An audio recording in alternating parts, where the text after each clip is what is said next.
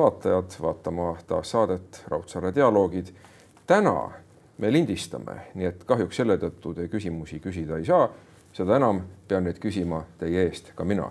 mul on väga hea meel tutvustada tänast saatekülalist, Jaak Salumetsa. tere hommikust või keskpäeva. võib nii öelda ja mis siin salata, vaatajale tuletame meelde legendaarset aastat üheksakümmend üks, kui Kalev tuli Nõukogude Liidu meistriks. Ja ma mäletan, et toona ma vaatasin neid mänge küll nii, et mõnikord ma tõusin toolilt püsti ja tool, diivan oli märg selle koha pealt, noh higi, niivõrd kaasaelamine oli oma meestele, et tuleb ära see asi või ei tule ja ära ta tuli. aga ega me ei hakka siin rääkima nüüd ainult korvpallist täna, ma mõtlen, et räägime pisut ka laiematel ja sügavamatel teemadel, kuigi ka korvpall on väga sügav teema olemuslikult. Aga räägime juhtimisest, räägime filosoofiast, räägime psühholoogiast, kuna kõike seda ju on sinu pagasis tohutult. aga mis mulle meeldib, mida ma olen nüüd kuulnud, on see, et nii spordis kui juhtimises on siis väga tähtis see juhtgrupp, teravik nii-öelda Vana-Rooma militaarterminites rääkides see falanksi nina, mis peab siis läbimurde saavutama ja ülejäänud meeskond juba niimoodi loogiliselt rivistub sinna taha. ja teevad puhta töö ära. ja teevad puhta töö ära, aga nad peavad ka olema. ilma nendeta ei toimu mingisugust asja. et selles suhtes äh, jah, see kokkuliitmine on väga raske meie, meie, meie rahvusel läbi aegade on see näidanud igasugust aega, me oleme üle elanud. kord me saame kokku, siis jälle läheb natuke paremaks elu, siis jälle unustame ära, et kust me tulnud oleme ja mis, et koos on lihtsam, koos on ausam ja koos on parem mm. -hmm. et me oleme jah, ajalooliselt eestlastena individualistid. no täpselt nii muriseme seal oma, oma aias ja hoovis ja vaatame, kui, kui naabril parem on, siis muutume kohe, tervis läheb kehvemaks ja, ja hakkame vaatama, otsima naabri vigu. noh, aga ometi ju Kalev võitis üheksakümmend üks ja mida ma lugesin siin, Riho Soonik on öelnud, et kui tema mm, tuli sinna, ütleme kaheksakümmend viis aasta oli see, kui sina tulid Kalevisse ja siis eh, see tsitaat on siin umbes selline, et eh, meeskonda ei olnud, olid eh, küll mõned sportlased, olid korvpallurid, aga ei olnud meeskonda ja valitses selline noh, ütleme maailma loomise meeleolu, see ei ole nüüd tsitaat, see on minu järeldus. kas ta nüüd maailma loomise meeleolu oli, aga, aga tegelikult see asi oligi nii, et, et meie sport tollel hetkel juba kaheksakümmend viis oli, oli teine ja. aeg juba käis ikka veel vanamoodi, ei olnud ümber vaadatud veel neid põhitõdesid, et millega edu saavutada.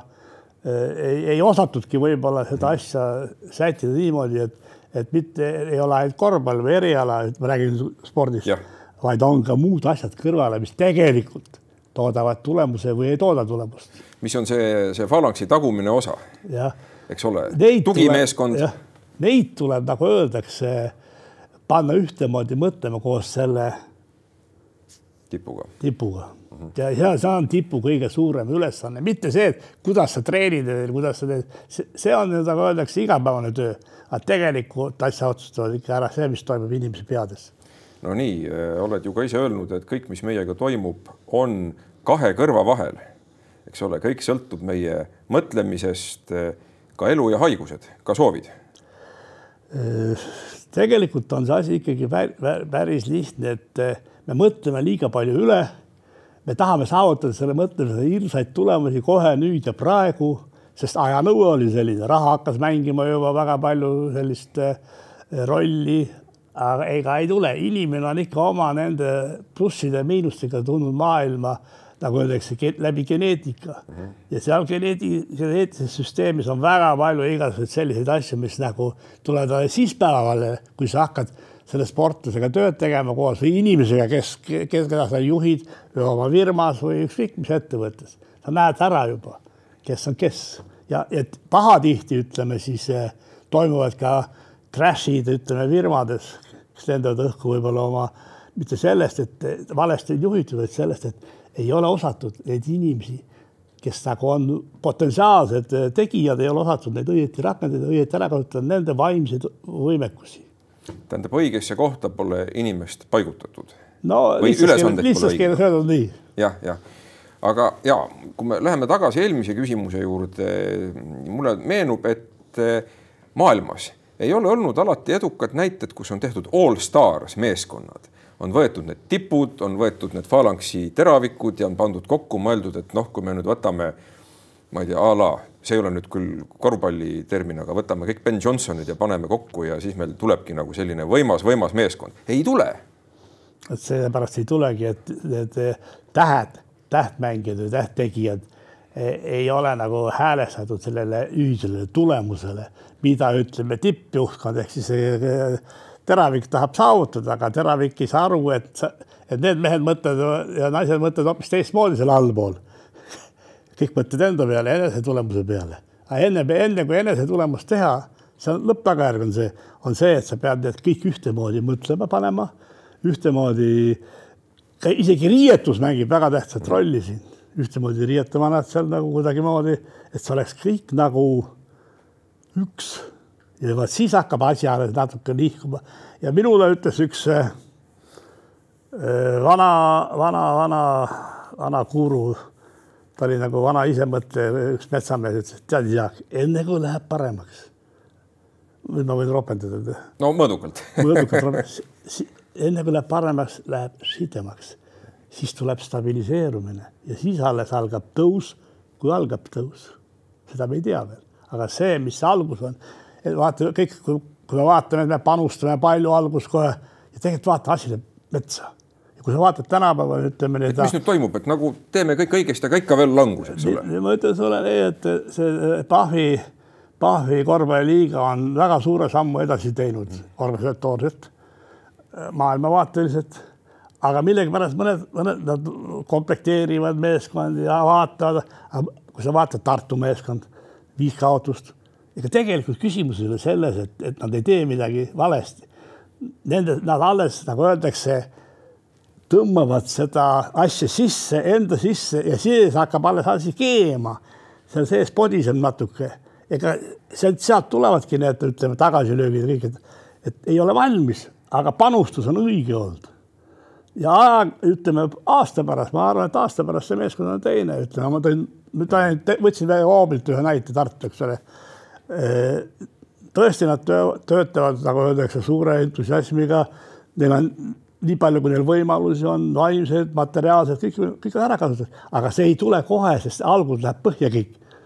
sest need mängijad, keda inimesi, inimesed, keda sa kasutad või käsitled seal, need ei ole valmis selleks tööks ja alles siis toimub stabiliseerumine ja siis toimub tõus siis tekib uus kvaliteet. siis tekib kvaliteet, mitte uus, vaid kvaliteet alles. alles siis ta algab. kui nad suudavad kokku mängida. jah, kui nad suudavad ühtemoodi mõtlema hakata.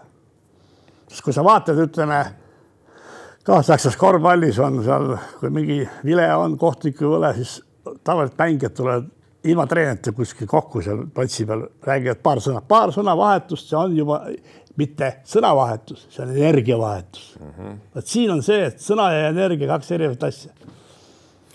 no sina tulid treeneriks Kalevi juurde kaheksakümne viiendal aastal ja Kalev tuli meistriks üheksakümmend üks, kuus aastat. oli siis see aeg, mis kulus sinna tippu jõudmiseks, aga ma mäletan, et juba, juba aasta-kaks varem olid viljad näha, nii et ütleme, kuskil kaks-kolm aastat kulus selle kvaliteedi eh, saavutamiseks. see oli äh,, oi, see, see nõuaks eriti sellist saadet, kui ma räägiks sellest mis need kaks-kolm aastat minule maksma läksid ja nendele mängijatele. seal oli nii, et, et nõudlused muutusid, aga ma ei saanud ju kohe järsult hakata, nagu öeldakse, lõikama, raiduma, vaid ma lihtsalt lasin neile kõigil tööd teha ja kes vedas seal välja, see läks lõpuni, kes ei vedanud, lahkus. no nii ta oli, aga seal tuli ka selliseid häid keskmängijaid, mis on ka jällegi väga tähtis Pabenko, eks ole. Pabenko, Pabenko meie õnnistus, et ta oli vigastatud ja istus Peterburis nagu öeldakse koos perekonnaga ja, ja Leningradis Spartakil ei olnud teda vaja. me no me võtsime üles järelikult, e-, ega siis me ka kohe ei vaadanud selle peale, et aga see tuli nagu ups iseenesest, tähendab kuskil alateadvuses ronivad siuksed asjad üles, et sa töötad kogu aeg selle progressi nimel. alateadvuslikult siis ühel päeval tuleb see mõte, teine mõte, kolmas mõte, mõni, mõni läheb untsu, viskad ära, hakkad uuesti minna, aga sa oled saanud juba selle energeetilise pooveri, et, et midagi on toimumas.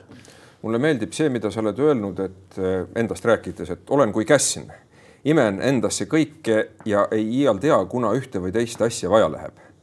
Eh, jah, eh, see, see tekkis mul siis, kui ma hakkasin tööle treenerina, olgu, et ma treeneriks ei, ei soovinud kunagi saada, sest ma nägin, mida elas üle Kullam, Kreevalt, kõik need, kes olid August Sokk. August oli minu kõrval veel kaheksakümmend viis natuke aega, siis kui tervis üles võttis lõplikult. ma nägin, mis, mis selle töö nimi oli. kui teha seda põlemisega ja korralikult. Nad põletasid ennast läbi mm., aga vot mida, millest mina hoidsin, et mul oli, oli selline moment, et ütlen niisuguse lause, et kui ükskõik, mis toimus kuskil, negatiivne või positiivne asi.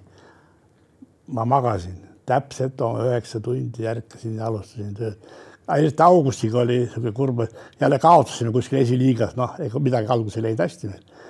Au-, läks, mina läksin magama, august, ärkan üles kell seitse-kaheksa, august istub laua taga, paneb suitsu ja jootab kohvi. tead, Jaak, nüüd on kõik pees, vabandust väljendusest, nüüd on kõik pees, lihtsalt algust peab jälle tegema hakkama, meil ei saa kuskilt otsast lahti lasta midagi kaotada. et, et siin on see moment, hakkasid tulema, algus võitsime veer-, poolajad, siis hakkasime üht mängusid võitma, siis hakkasime edasi liikuma, siis hakkasid kõik austama meid. isegi huvitav niisugune näide oli, et me olime veel esiliigas ja olime päris heas juba seisundis seal esiliiga meeskondades. esiliiga meeskondades, et me ei taha sind ära aasta, Kalevit, Tallinn meile meeldib, siis peate vastu hakkama, hakkama võitma meid kui te tahate, te tahate, et me siia jääme, aga ma ütlesin, meie et siit ära minna kõrgliigasse. nii see juhtus, et ja. ega see kerge, kerge ei olnud, tähendab ikka samm-samm haaval ja sa pidid kogu aeg nagu tekitama motivatsiooni nendele, aga mis minul oli väga lihtne, ma sain aru, et ilma meditsiinita, tol ajal meditsiin sellisel tasandil, meeskonna tasandil oli noh ulmekas. sellist, sellist meditsiinitiimi ma ei olnud mitte kellelgi Nõukogude Liidu meeskondadel, välja arvatud Tihhanovi ja Oki meeskond mm. -hmm et väga palju ma nagu lugesin Tihhanovi, tema pidi veel keerulisemate tähtedega tööd tegema kui mina. aga tal olid samad probleemid, kui mul olid, ühed olid tähed, teised ei olnud, teised tõusvad tähed, nagu öeldakse päeva lõpuks. aga, aga probleemid olid samad ja, ja ma sain ka aru, et, et kui sa hakkad kogu aeg karistama neid, siis see lõpeb fiaskoga. sa saad ainult muuta töökoormust, töökäiku, iseloomu, saad nendega rääkida, kord pingutad neid rohkem, kord annad neile nagu öeldakse vabamad käed. see tõstab kõik selle, üks, üks jutt sinu. Äh, alustasime metsajooksust Piirital. meil oli meeskonnas oli selline mees nagu Abeljanov ja Mäletame. Viktor Versulanov, kadunud hing Viktor Veselanov algus istusid Pirita silla all, ma jooksin kaasa kõik korrad, aga ma noh, nad arvasid, et ma ei tule, ma tulin hiljem või varem midagi, nägin kõik, mis toimus. ja siis ma ükskord sõidan, jookseme jälle, ma jooksin meeskonnaga koos, vaatan number viie bussi peal taga, seisab Abeljanov bussis. Abeljanov sõitis selle, selle, selle koormuse võitis bussiga läbi aga see lõppes väga kiiresti ära, siis me hakkasime ümber orienteerima, kui tekkis, ütleme juba areng toimus, eriti Kääriku suvelaagrites, kus inimesed hakkasid said värskes õhus looduses olla, said puhata. aga nad tegid ka väga palju panustasid, saime panustada seal. meil oli arstlik kontroll kui selline oli kogu aeg taga, mind paneb imestama tänapäeval. see on minu isiklik arvamus, võib-olla on olemas kõikidel klubides asi, et eh, tänapäeva korvpall on läinud ju aeroobsesse faasi kogu aeg, sa mängid lühikese seti seal mingi kaheksa, viis-kuus minutit. see tähendab, ei teki hapnikuvõlgu, võlga seletame vaatajale. et aeroobne seisund mm -hmm. on eeldus see, et, et, et ei tohi hapnikuvõlga tekkida, sa puhad, puhad, aga mille pealt sa taastud? anaeroobse, aeroobse pealt ja kui sul aeroobne põhi all ei ole, siis sa ei taastugi mille pealt ära et, et, et see, selle ma sain kohe selgeks ja alguses pidime panustama väga palju aeroobsesse, et joosta, teatud pulssidega veel, iga mängija oli eri, teatud kindla pulsiga, mis ta, mis tal oli vajalik. et, meil oli doktor Jalak tegi kõik, mis oli vaja ja kõik need proovid ja laktaadid ja kõik me tegime ära ja tol ajal me tegime seda, et inimest ei tohi ära vigastada ei vaimselt ega füüsiliselt. see oli minu, minu kreedo, sest ma ise teadsin oma vigastuste kaudu, oma ütleme sportlase. no ja sina lõpetasid ju ka kahekümne kuue aastaselt küllaltki varakult. kakskümmend seitse. kakskümmend seitse. jah, et, äh, et sel hetkel tundsin, et mul hakkas keha nagu järgi, et ma ei taha, sest vaata, ma mängisin oma pikkusega väga raskeid positsioone. et nagu need korvialused mängud, kõik seal oli ikka väga valus. füüsiline? füüsiline, puhas füüsiline, kui alla andsid, siis nagu see oli paha-paha, see oli, tuli, aga, aga ütleme nii, et aga sa siin ka pead, pead saavutama sellise etapi step by step tulemuse, sa ei tohi kohe panna hirmsalt ütleme power'i peale, aga see tekitab hoopis vigastusi, ületreeninguid, neid, neid ei tohi. ületreeninguid mul oli sisuliselt ei olnud seal meeskonnal, kontrollisin kogu aeg. nuia meetodiga ei saagi siis alati head tulemust. kõik, kõik vahendid on lubatud ainult teatud teatud situatsioonis. ja teatud mahus, teatud piirini. jah, absoluutselt, et, et ka endal mul mõnikord oli vasik, kui pidid hakkama verbaalselt nuia andma. aga, aga pärast ma tundsin, et kurat, et võib-olla tegin õieti, võib-olla liiga terav olin. aga mõni ei kannatanud välja, mõni kannatas välja ja. no see on kõik legendaarne muidugi, aga tagantjärele on kaks tähelepanekut olnud meestel, ühed ütlevad, et jah, nüüd ma saan aru, et miks sel hetkel seda asja öeldi ja keda süüdistada, ainult iseend ja teine tähelepanek on siis eh, see, et oo oh jaa, et väljakul oli Salumets karm mees, aga pärast oli päris ikka inimlikult võimalik rääkida temaga. no aga ma olengi inimene. no just. ja, ja seal ei saanud muud moodi teha selles mõttes, et muidu oleks asi laiali jooksnud alguses kohe. ja ega, ega ma siis väga palju karm ka ei olnud, ütleme. Ma olin, olin ikka väga inimlikult suhtusin nendesse, aga, aga kui sa näed, et kes nagu veab sul, nagu öeldakse seda jalgu järele platsi peal, siis tuleb ütelda ka midagi. arusaadav. no Winston Churchill on öelnud midagi niisugust, kui küsiti tema käest ühte tema peale tema väga head kõnet. kaua sa selleks valmistusid, ta ütles, kogu oma elu. ja nüüd, kui me läheme tagasi selle treeneriks hakkamise hetkeni, mille kohta sa ütlesid, et ega ma ei tahtnud, et see ettevalmistus oli ikkagi väga hea hakata treeneriks. ootamatul moel no lugemus, ootamatu mood oli see, see süsteem tuli sellest, et Kreevad helistas minu ristisa nii ütleme mängijana kui treener tõi Paidest ära mind.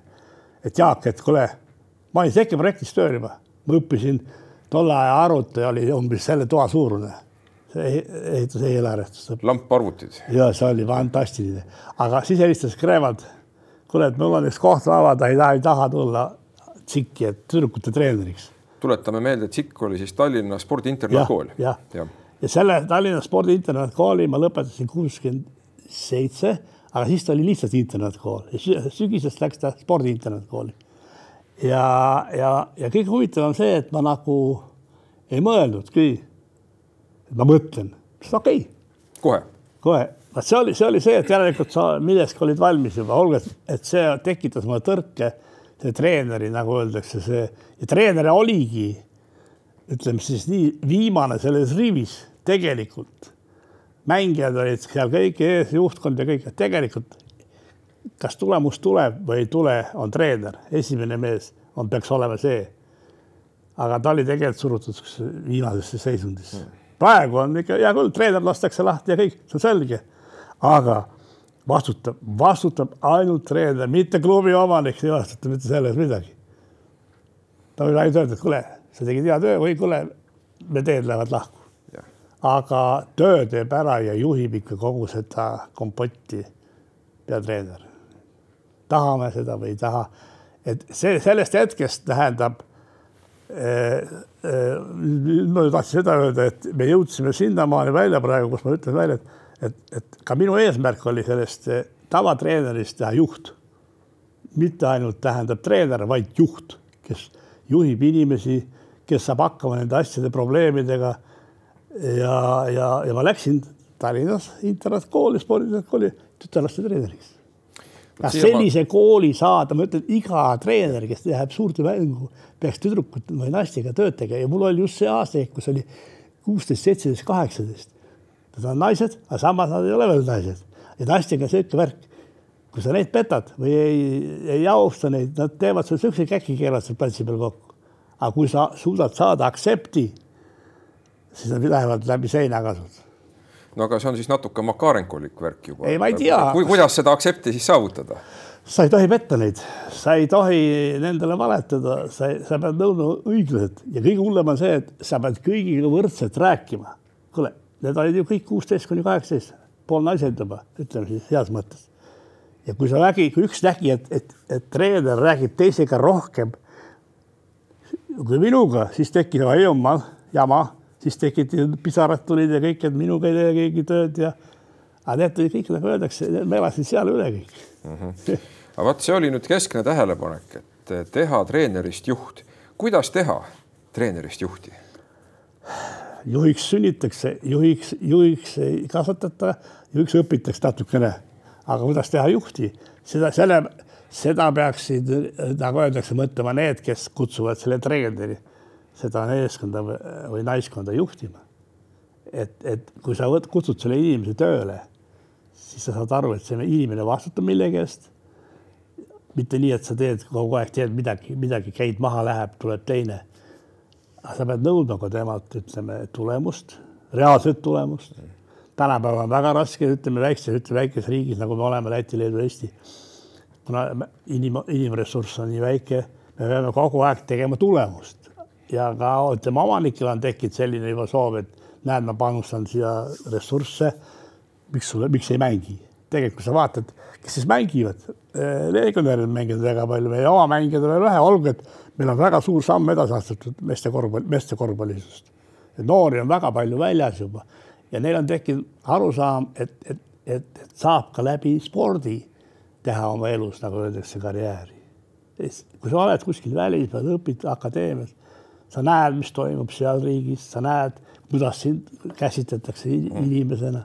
See kõik, me alles seda, nagu öeldakse, omandame, me ei ole päris lõpuni omandanud neid asju kõiki.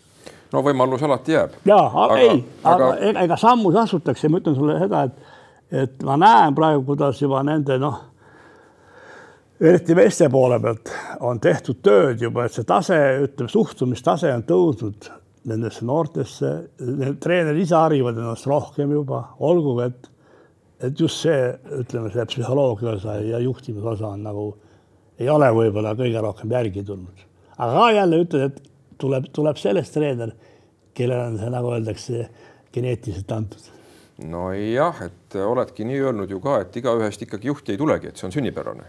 ja, aga ma ei taha solvata kedagi selles mõttes, et võib-olla teen liiga mõnele, aga paraku see elu läheb nii.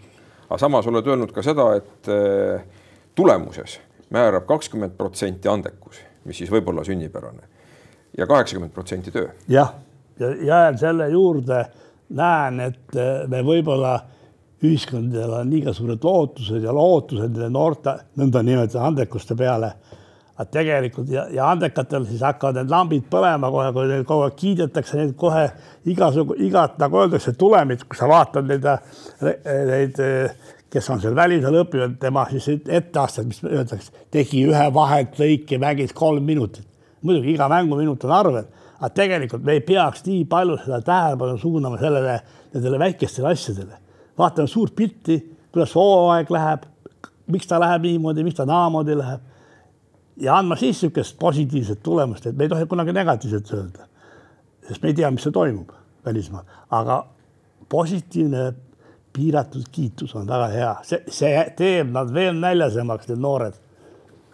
sest siis hakkab, kurat, no ei kiidagi mind, ma hakkan tööle veel, ma surun ennast meeskonda, surun viisikusse.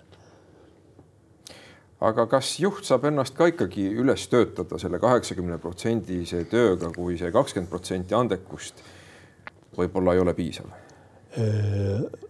ta peabki tegema, mitte ei saa, vaid peabki tegema ja see pool on väga lihtne, see, see pool on just see inim, inim, inimsuhted, eh, noorte inimeste käsitlemine ja, ja siis nagu öeldakse läbi selle käsitluse siis need panna need nupud tööle, et tal tekib äkki iseenesest, ta ei saa arugi, kas treener siin sunnib mind takka, äkki ma tahan teha ise seda asja. Mm.. tal tekib selline üks hüpe, vaimne hüpe, kus ta tunnetab, et saab küll ja hakkab tegema, tegema, tegema rohkem. See on võib-olla natuke nagu jooksmisega, et kui on see surnud punkt on ära ja siis tekib ühel hetkel juba nauding, et oo, läheb väga hästi. Vaat see, vaat see surnud punkt ongi, tuleb äh, igal, igal mängijal või ise nagu öeldakse või siis, kes tegeleb, ütleme sportmängudega, peab ära tabama, et sul võib olla raske. aga kui sa ei mõtle selle peale, et kurat raske, nagu ei tahaks, aga tegelikult ära mõtle, tee seda ja siis vaatad, kuidas see välja tuleb ja kui sa tuled, ups, tuligi välja, see oligi siis see ajahüpe, nagu öeldakse. ja see annab suure rahulduse. absoluutselt ja sealt, kui hakkab vaimsus hakkab rahuldu, rahuldust tundma sellest tööst, sellest valust, mis sa teed no,, siis hakkad ka. sealt tekib juba vaimne endorfiin, tahaks, nagu veel ja tahaks veel seda. vaimne doping. täpselt nii on. ja, ja see ongi see, mis, mis paneb inimesed, nagu öeldakse, liikuma, mitte ainult spordis, vaid ka oma erialal, mida ta valinud on elus. ja siin on väga selgelt seotud psühholoogia et äh, oled kahekümnendast eluaast, kahekümnendatest eluaastatest juba tundnud huvi psühholoogia kirjanduse vastu. vaata ja, aga see sat-, neid sattus mul ise kätte, aga ma lugesin neid alguses, millest ma midagi aru ei saanud. ma tulin nende raamatute juurde tagasi siis, kui läksin meeskonda juurde. vahepeal toimus, nagu öeldakse, niisugune iseeneslik areng, aga see kõik oli ilmselt mul kaasas juba, ma lugesin nad läbi aga kuna me, kuna me koosneme energeetikast kõik energiast, siis raamat ise on ka energeetik, energia, energia juba, mida sa loed, ta võib sul ka laua peal vedeleda. sa loed paar lehte, ta podiseb sul sees, väljas. et ja sealt hakkas see peale, aga sellel hetkel, kui ma võtsin selle meeskonna, siis oli juba mul kohustus, siis, siis kui võtsid selle raamatu, ups, ma tean ju seda. aga miks ei kasutanud seda siis oli järgmine küsimus. ju siis ei olnud sa valmis selleks veel. aga praegu on eriti lihtne veel, kui ma loen, loen uuesti väga paljusid raamatuid, loed nüüd on juba lihtne, nüüd ma, nüüd ma juba arenen. kogemuste pagas aitab. ja pagas, see kogemus on, mis sa oled saanud selle, selle läbi selle töö. nüüd see tuleb väga lihtsalt, lükkab sind ise ülespoole sinna valmsuse teel aga samal ajal aitab mõtestada või süstematiseerida teooriasse panna kogu seda kogemust. selle teooriaga on selline asi, et ega ma sellest väga palju rääkida ei taha.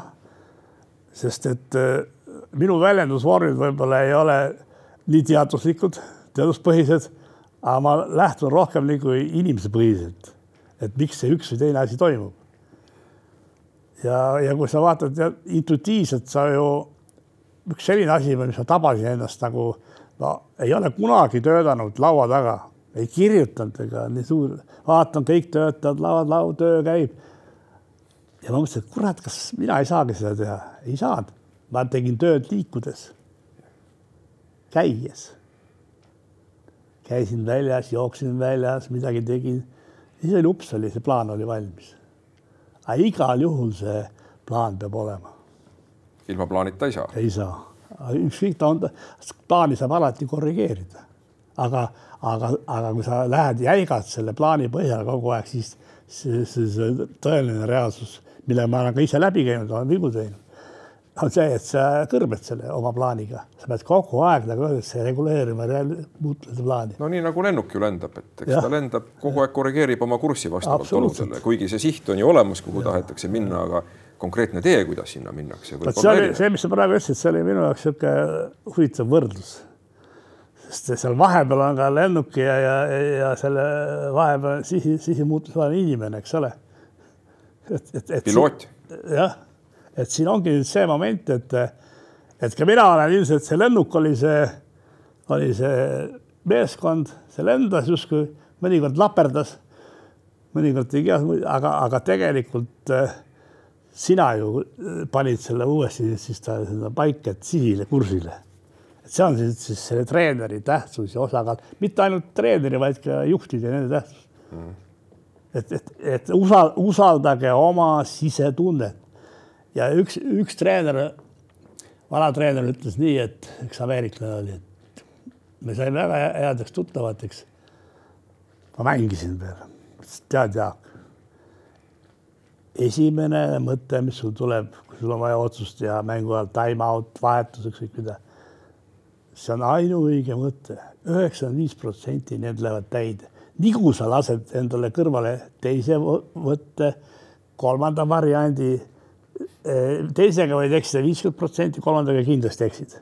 esimene mõte on see või siis otsus, see on sinu otsus, see on õige otsus. nii et see on intuitiivne otsus, mis on õige, aga see tugineb ju ikkagi kogemusele. absoluutselt, see, see on kõik see, et sa pead selle läbinud olema, aga see ju, see intuitiivne otsus ju praeb sul seal sees keskel, siis sisemusest tuleb kogu aeg, et aga iseenesest võib nii öelda, et, et kui sa hakkad mängu ajal mõtlema, mõtlemine on, ütleme minu jaoks on äh,, ma, ma pigem kasutaksin sõna tunnetus. kui mõtlemist kasutan, siis see äh, mõtlemine on väga-väga ohtlik asi inimesele. kui vaata, kui inimene mõtleb üle, siis ta mõtleb, mõtleb igasuguseid lollusi välja, aga kui sa tunnetad, et see on õige hetk ja teed selle ära ja oligi kuramus õige ma olen lugenud selle kohta ühte väga head näidet, kuidas tuletõrjemeeskond läks sisse ühte majapõlengusse ja nad ei saanud aru, et midagi oleks nagu viga ja see komandojuht käratas kõigile välja ja järgmisel hetkel kukkus põrand sisse. kui ta oleks hakanud mõtlema või meestega arutama midagi, kõik oleks ära põlenud, aga ta langetas intuitiivse otsuse mingi sekundi jooksul oma kogemuse põhjal. ja kui talt hiljem küsiti, oli uurimine, et noh, miks, ta ütles, see tulekahju tundus mulle vaikne. Põhipõlemine oli keldris. jah vot see ongi, et e, e, ega ma ütlen, ütlen sulle ka, et ega ma väga paljusid asju seletada ei oska. nii, mis, mis on arusaadav, oleks ka teise inimese, kes tahaks mind kuulata või kellega ma tahan rääkida. aga ma olen selle otsuse langetanud ja reeglina see on päris õige otsus. ja see tuleneb, tuginebki varasemal kogemusel. see on, kogemus on väga suure tähtsusega, sest sa imed selle sisse nagu käst, nüüd ma ütlen sulle ära. Ma imen, imen, imen need asjad kõik sisse mida ma saan kätte kellegilt. ma isegi käisin, kui ma alustasin tüdrukute treenerina, ma käisin vaatamas noh, tüdrukute treenerid, kes on vanemad, niisugused kogenumad, ma vaatasin kõiki, igalt treenerilt ma võtsin midagi, mis ma panin endale siia sisse. ja see kõik eh, nagu muutus paketiks siis, kui ma seda tulemust tegema hakkasin. nii ma oskan seletada ainult ja ma arvan, et sa, et see on õige. ma usun, et see on ka arusaadav. nüüd oled nii öelnud, et igaüks saab siin ilmas õppetükke teha, mis tuleks ära õppida. igalühel on teatud ülesanne. no mina olen öelnud nii, et eh, me sünnime siia ilma, kellel on kaasas oma ra saatuse raamatuga, see on minu ja. tunnetus.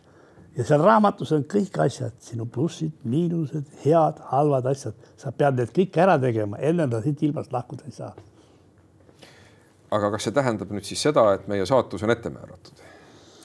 ma ei ole päris kindel. ei ole, ei ole, on alati tähendab eh, energeetiliselt on see võimalik, et toimuvad mingid muutused, alati toimuvad ja, ja muutused ei toimu, ütleme meie, see, see toimub kogu selle maakera sise, ütleme siis süsteemis.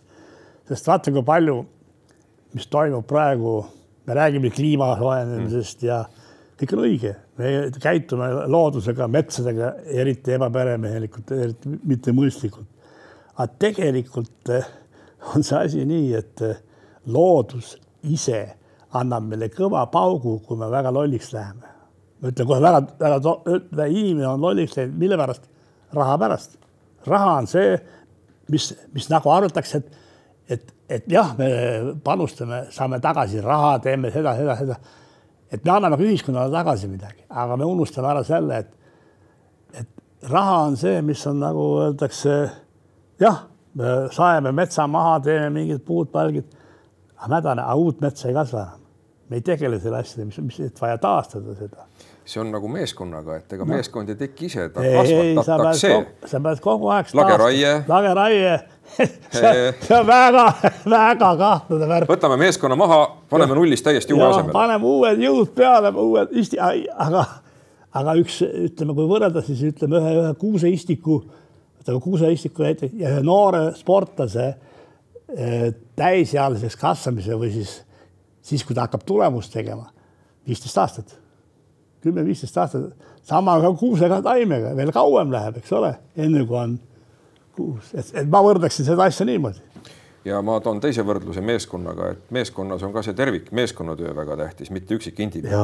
Ja, mida ökoloogid on öelnud, mis ma arvan, on väga õige tähelepanek, et ka metsas tekib tervik, ökosüsteem, mitte ei ole üksikud puud, vaid on see ökosüsteem ja kui me selle kõik maha võtame, siis on üks-null. sest vaata, me kipume võtta, vot nüüd me jõuame sellesse, sellesse vanusesse, mets, et kui räägime metsast, siis me tahame võtta siuksed maha, siuksed võimsad äh, kuused või mida iganes ta on võimas, näed, aga vaja maha võtta ja siis öeldakse meile, et ei, ta on juba üle kasvanud juba ja mäda, mäda juba ei, tegelikult. Need on kuradi maasool, metsasool ehk siis eh, ka vanad tegijad elus, spordis. ka kui sa vaatad eh, juhtimises, õige noor juht võtab juurde endale niisuguse mentori, mentori, vana tegija. ma räägin ühe reisu, kui me olime, käisime Ameerikas, seitsekümmend kolm liidukoonduses mm -hmm. olin ma, siis ma olin üksi jäänud. ja siis olime, kohtusin ühe väliseestlasega, sain väga heaks tuttavaks, ütles, tead, Jaak, tule mul on üks suur koosolek, tule vaata, mis toimub seal laua taga ja. Ta oli siis nagu mingi ettevõtja või tegeles juhtimisega? et ju ja ettevõtja ja. oli ja Jaak. ainuke asi, mis mul jäi sellest nagu jooksis mul küsimärk läbi. ukse kõrval, peaukse kõrval istub jaapanlane, nii terve selle poolteist tundi, mis see koosolek kestis. ei ütle sõnagi?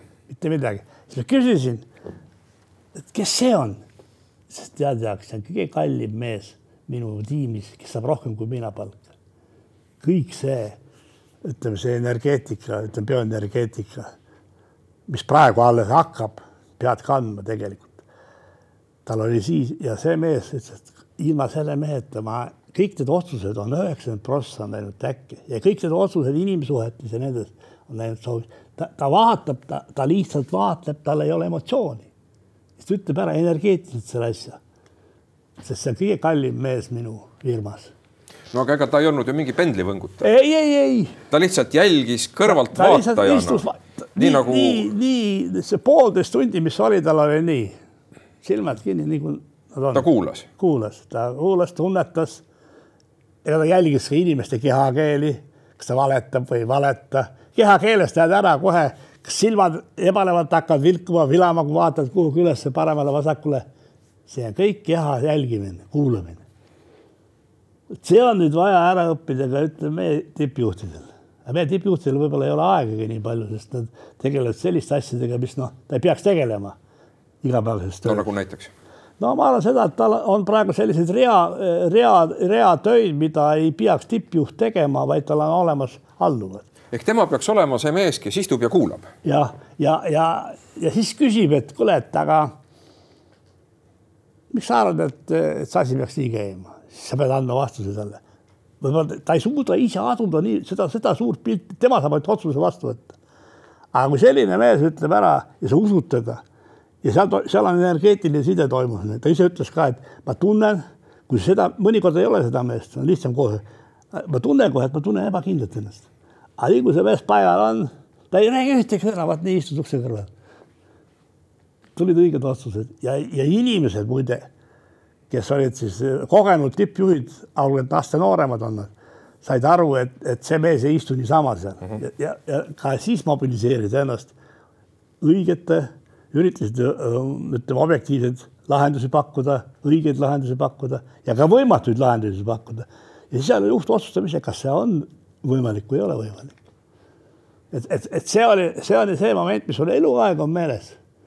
Et see, sealt ma sain ka võib-olla tõuke, tähendab, et, et juhtimine ei ole ainult tead rusikas lavale ja käratamine ja mina teen ja, ja tegelikult tippjuht raiskab ennast siis, kui ta võtab siukseid all, alluvate tööd üle endale, et mis te teete, te ei saa hakkama, pean ise minema tegema. see on viga, juhtimisviga on see no aga teisest küljest mõnikord, mitte et ma vastu vaidleks sellele tähele. ei, aitäh. aga mõnikord tuleb töö iseloomu mõista, nagu Tiit Veber, talle meeldis ise ka vahepeal kraavi kaevata, et aru saada, kuidas asi käib ja meestega rääkida. aga siin on nüüd sa, see on õige lahendus, kui sa lähed, käid korra ise ka seda asja tegemas. aga mitte kogu aeg, kõiki kogu aeg, aga vaata, mõnikord peab, ajab, ütleme, ajab see kas lohakus või oskamatus alluvatel on hinge täis, siis ütled, kurat, ma teinud ise ära selle asja. vot siis ongi, sa lähedki selle reaalsesse töösse. aga, aga, aga see Tiit hoidis sellega, nagu öeldakse, edasi kogu aeg sisemiselt, ta teadis, mis toimub, kuidas asi toimub, mis asi maksma läheb, kuidas sa pead tegema, mis siis juhtub, kui sa tuksi keerad. kas see on vastutus? ja siis tunnetad ise, kui sa selle asja tuksi keerad, sa oled reaalselt seal kätega küljes ju mm. -hmm no kuna meil on lindistus, ei saa vaatajad küsimusi küsida, aga ma arvan, et üks küsimus, mida kindlasti küsitakse, on see, kui me ka energeetikast räägime, eks ole, väga sümboliline akt. et kas me kunagi saame teada, mis tegelikult juhtus selle meistrikarikaga üheksakümne esimesel aastal? väga lihtne noor mängija Kullamäe lõi jalaga kannaga selle karika puruks, see oli väga, see oli väga puhtast kristallist karikas. Ja need killud järelikult ju jagati ära igale ühele. ei, seal ei jagatud, seal, seal läks, minul jäi väike kild, ma ei tea, kas ta on mul veel alles või ei ole, aga mõnedel mängijatel kindlasti alles. aga see on selles mõttes energeetiliselt väga tähtis, et tegemist, tuletame meelde siis vaatajatele, kes ei tea seda fakti, et üheksakümne esimesel aastal läks see Nõukogude Liidu meistrikarikas siis puruks ja liit läks puruks. ja nii ma tahtsingi jätkata, et ka kogu Nõukogude Liit lagunes ja see rändkarikas lõpetas oma rändamise. jah, rännak sai läbi. rännak sai läbi. iga asi saab otsa kunagi, nagu öeldakse, algus on algus, lõpp, keskmäng on lõppmäng ja lõpp. jah, jah. ja nii saab ka meie saade otsa, midagi teha pole. no aga. aga mul on siiski veel üks küsimus, et kui nüüd praegu tuleks üks noor mees sinu juurde ja ütleks, et mul on idee, ma tahan hakata treeneriks no,. ma tahan lahe. hakata korvpallitreeneriks. mida sa talle soovitaksid, kolm asja? ma ütleksin nii, et mul on selline kogemus olnud juba. ma oota, ootasin rohkemat, tähendab mõne, et mõnda inimest rohkem, kes, kellega võiks anda endast välja seda. ainult üks mees käis minu juures kes, kellel oli ja siis me leppisime kokku, et kui sa tuled, siis sul peab olema küsimus valmis, küsimus, küsimus, minul vastus, vastus, vastus. nii tekib dialoog. tähendab, peab olema küsimus, mitte nii, et ma tulen mentori juurde, et ta sõnastaks minu enda küsimuse, mida ma veel ise ei tea. ja vaat, vaat siin ongi võib-olla mentorid teevadki mõnikord, noh, ma ei, ma ei tea, ma ei ole mentoritega väga palju tööd teinud. et võib-olla mentor tahabki kohe hakata rääkima seda, mida noh aga tegelikult sa hakkad rääkima enda tööd, sa ei tohi seda teha, sa pead saama aru, kui kaugel see noor inimene on, tähendab oma tasemelt ja mis teda huvitab üldse, kas teda huvitab üldse treeneri töö. ja, ja võin öelda seda, et ta sai väga hea nagu, nagu selline spordijuht mm. -hmm. võib-olla treener, ta, ega treeneri töö on kuratlikult raske. see võtab ikka väga palju sult küljest ära see, äh, ma nägin, mis oli Ilmariga juhtus, mis nägi Kreevadiga juhtus, Augustiga eriti. aga mul oli see moment, et näed, siin jälle huvitav asi, närvikava on paigas, ükskõik, kui sa veel valsi peal möllad, aga näita mulle patja, ükskõik mis kellaaeg, ma pean pea padjale, ma magan. aga mis selle saladus oli? lihtsalt närvid olid paigas kõik, et see, see, see nagu öeldakse, kogu see asi, ega ma seletada ei oska seda, aga lihtsalt ma heidan praegu, ma magan oma üheksa tundi raudselt ära. ma tunnen, kui ma tunnen, et ma olen väsinud, siis ma tahan, magan ka päeval. aga võin öelda seda, et eh, ka teadus on juba ütelnud, et kõige suurem energeetiline taastaja on inimesel uni. sest väga paljud inimesed, kes põlevad läbi, ei maga enam öösiti, hakkavad igasuguseid košmaare nägema ja, aga meil oli hops ma saan aru, et üks soovitus sellele noorele treenerile oleks siis, et maga hästi. jah, kui tunned, et tahad magada ja, ja ka tavainimene, tavatöötaja, noored inimesed, kes töötavad päevast läbi oma muud asja, kardavad läbi kukkumist, põlemist. tehke kõigepealt oma sisemised asjad korda. vaimne Liikuge... ja füüsiline tasakaal. jah, vaimne, füüsiline tasakaal, liikuge palju, nii palju kui võimalik on, ärge, ärge ei pea raamatu taga istuma. raamat on siis, kui tunned, et tahad kaks lehte lugeda, siis tuleb uni kohe no nii, aga see on ju väga hea näpunäide, millega me võimegi selle saate kokku tõmmata, sest et on ju november ja minu meelest praegune olukord soodustab väga hästi unerahu. on palju hämarat aega, pimedat aega ja miks siis mitte rahulikult magada ja ennast välja puhata suveks, kui tulevad uued väljakutsed. aitäh, aitäh. vanarahvas ütles veel nii, et et äh, mardipäevaga saavad välistööd tehtud, hakkavad sisetööd ja, ja rohke uni. nii see on. aitäh, Jaak Salumets, selle hea vestluse eest, millest ma usun, oli jällegi midagi õpetlikku kõrva taha panna. noh, selle olen mina läbi elanud. nii on. aitäh vaatamast ja kohtume nädala pärast. kõike head.